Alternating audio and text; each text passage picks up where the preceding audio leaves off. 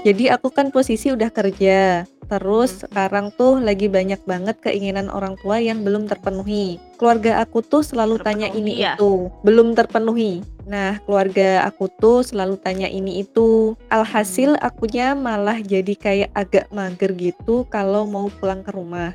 Jadi lebih milih buat menghindar aja. Kira-kira baiknya gimana ya Kak nanggepinnya? Aku juga di perantauan pengen ketemu keluarga sebenarnya, tapi kondisinya kayak nggak mendukung. Itu banyak banget pasti juga yang ngalamin ya teman-teman.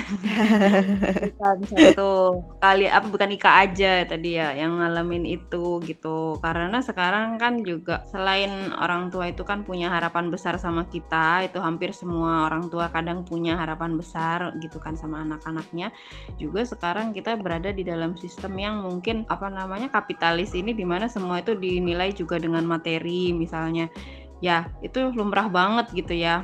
Kalau, eee, orang tuanya mungkin apa namanya, ada yang udah ngaji atau apa itu alhamdulillah, tapi kadang ada yang belum dan belum memahami itu gitu. Mungkin di masa sekarang itu akhirnya yang dinilai anak-anaknya itu dia nggak mmm, orang tua nggak bermaksud begitu, tapi lingkungan semua membentuk seperti itu gitu kan misalnya. Harapannya kan bisa macam-macam ya, bisa materi, bisa apa gitu. Padahal misalkan materi gitu kan, kamu, eee, gajinya berapa misalnya, terus habis itu kamu udah bisa, eee, membeli apa saja, kamu kira-kira bisa membantu adik apa enggak, kamu bisa uh, banyak banget tuntutannya menjadi orang dewasa itu berat banget ya kayaknya ya. Kalau misalkan kita sekarang lagi banyak itu juga, eee, apa, pembahasan itu. Jadi seolah-olah menjadi orang dewasa itu sebuah hal yang berat gitu, karena tanggung jawabnya besar gitu, dibanding ketika kita masih kecil gitu kan. Terus misalkan tuntutan yang lain gitu, "Kamu udah kerja, pasangannya mana?" Gitu. Eee, seolah-olah itu yang paling penting gitu misalnya dalam hidup gitu, padahal kita kepingin diterima diri kita apa adanya gitu, eee, yang kita lagi jalani sekarang tuh kepingin ditanya gimana perasaannya, bahagia atau tidak. Kadang kan kita kan kepingin ya diterima seperti itu, bukan dengan embel-embel yang lain-lain, harapan-harapan yang lain yang, eee, dituntut gitu ibaratnya ke diri kita gitu, sebagai seorang manusia. Tapi memang beginilah gitu kadang, eee, hidup di dunia itu dituntut juga kadang sama manusia, sama orang-orang yang berada di sekeliling kita. Walaupun mereka nggak bermaksud gitu terkadang gitu, tapi akhirnya keadaan membuat seperti itu dan akhirnya kita membuat nggak nyaman gitu. Jadi banyak faktor ya sebenarnya yang akhirnya bisa mengarah ke situ gitu. Nah, yang paling penting kamu ya harus menyadari sudut pandang itu dulu gitu. Memahami dulu, memahami dulu yang terjadi itu seperti apa tadi. Ketika kamu sudah memahami biasanya perasaan kamu akan lebih nyaman. Eee, jadi kamu berusaha melihat dari berbagai sudut pandang gitu. Kalau cuma dari sudut pandang ditekan sama orang tua tadi akan berat banget gitu. Ngejalanin hari itu rasanya berat karena keinget-inget terus itu kan. Dan mungkin saja kita tipe yang kepikiran itu terus tadi karena kita punya masa lalu dari kecil yang memang sudah biasa dituntut gitu, akhirnya kita nggak slow, akhirnya ujung-ujungnya bisa jadi orang-orang yang overthinking, terus anxiety, apa, was-was, cemas, tiba-tiba gitu panic attack itu bisa jadi gara-gara hal-hal seperti itu juga gitu kan. Karena terbiasa, eee, dalam keluarga yang bahasanya mungkin agak menuntut gitu misalnya, itu bisa juga gitu. Nah, tapi fungsi tujuan dari kita memahami dan menyadari itu apa sih gitu kan. Fungsinya itu, ya itu tadi, kita biar punya sudut pandang yang lain, memahami orang-orang di sekitar kita, kenapa mereka melakukan itu ke kita gitu. Kalau kita sudah menyadari sudut pandang itu, itu membuat kita jadi lebih, eee, lebih memahami orang itu dan nggak terlalu menuntut diri juga. Karena kita sadar semua orang itu pasti punya banyak tuntutan, nggak ada habisnya. Semua orang ini sebenarnya, eee, mungkin saja bukan cuman Ika gitu, orang-orang yang berada di dunia itu penuh banyak tuntutan gitu kan. Kita dituntut sama orang tua tadi gitu ketika kita beranjak dewasa menjadi anak yang mereka harapkan yang kadang kita belum tentu belum bisa mencapai itu misalnya. Kita dituntut sama guru kita misalnya untuk jadi orang yang sesuai sama harapannya misal misalkan di bidang akademi gitu. Terus dituntut sama Pak D, Bu D, siapa pun teman gitu bisa banyak banget menuntut. Tapi nah, apa sih sebenarnya yang bisa bikin kita bahagia gitu? Eee, dari segala macam tuntutan dunia ini gitu. Yang bisa bikin kita bahagia itu adalah ridho Allah gitu sebenarnya.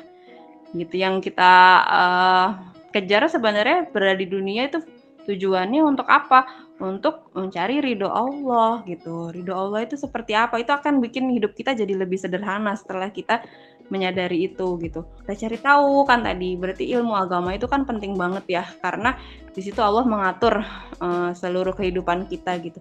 Kita ketika kita tahu kewajiban kita selama di dunia itu apa saja, dan kita merasa sudah melakukannya, kita nggak akan merasa selalu tertuntut sama orang-orang di sekitar kita gitu. Dan kita bisa menyampaikan baik-baik bahwa uh, kemampuan kita saat ini baru bisa sampai sini. Dan itu misalnya masih dituntut seperti itu, anggap saja sebagai ujian hidup. Karena memang di dunia itu uh, kita nggak bisa hidup pure bahagia gitu kan. Karena bahagia yang sebenarnya nanti ketika kita sudah di surga gitu. Di dunia ini penuh dengan uh, ujian-ujian seperti itu, tuntutan-tuntutan dari orang terdekat, masyarakat gitu ya. Nanti kalau misalkan orangnya itu sudah jadi level uh, pemimpin, dia akan dituntut sama masyarakatnya juga gitu kan.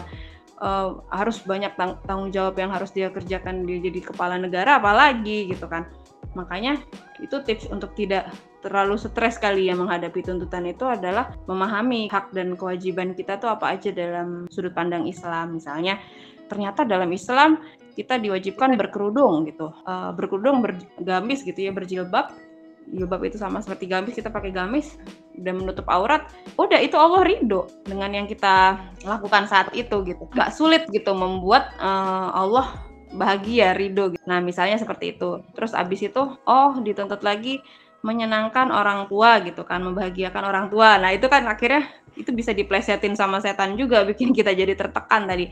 Waduh, kewajiban kita tuh membahagiakan orang tua nih. Tapi tuntutannya kok banyak banget. Jadi membahagiakan orang tua tuh yang seperti apa? Uh, ketika tuntutannya tuh besar sekali gitu, setan tuh bisa bikin kita jadi gampang depresi juga di situ kalau kalau kita nggak tahu batasan-batasannya gitu. Kadang orang tua akhirnya juga karena belum tahu batasan mungkin tanpa sadar menuntut macam-macam gitu kan.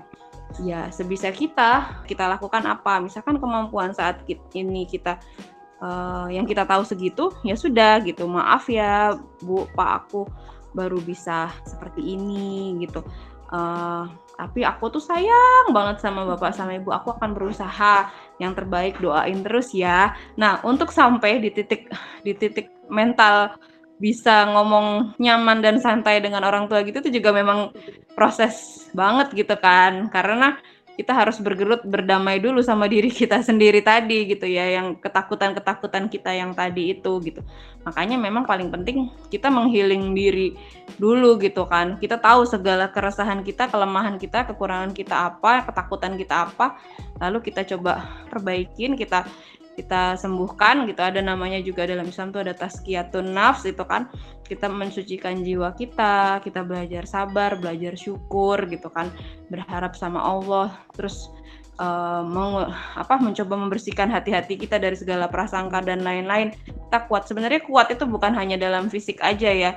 Fisik itu kamu sehat makanan makan makan makanan yang sehat olahraga. Tapi ternyata selain itu juga jiwa itu penting banget. Ketika jiwanya kuat gitu kan. Ketika jiwanya kuat insya Allah fisiknya kuat gitu. Jadi itu yang sebagai raja sebenarnya jiwa kita gitu kan. Uh, jiwa kita gitu yang harusnya kuat gitu dalam menghadapi sehari-hari karena kalau jiwanya kuat Insya Allah fisiknya juga ikut kuat gitu kira-kira Ika dan Soimin.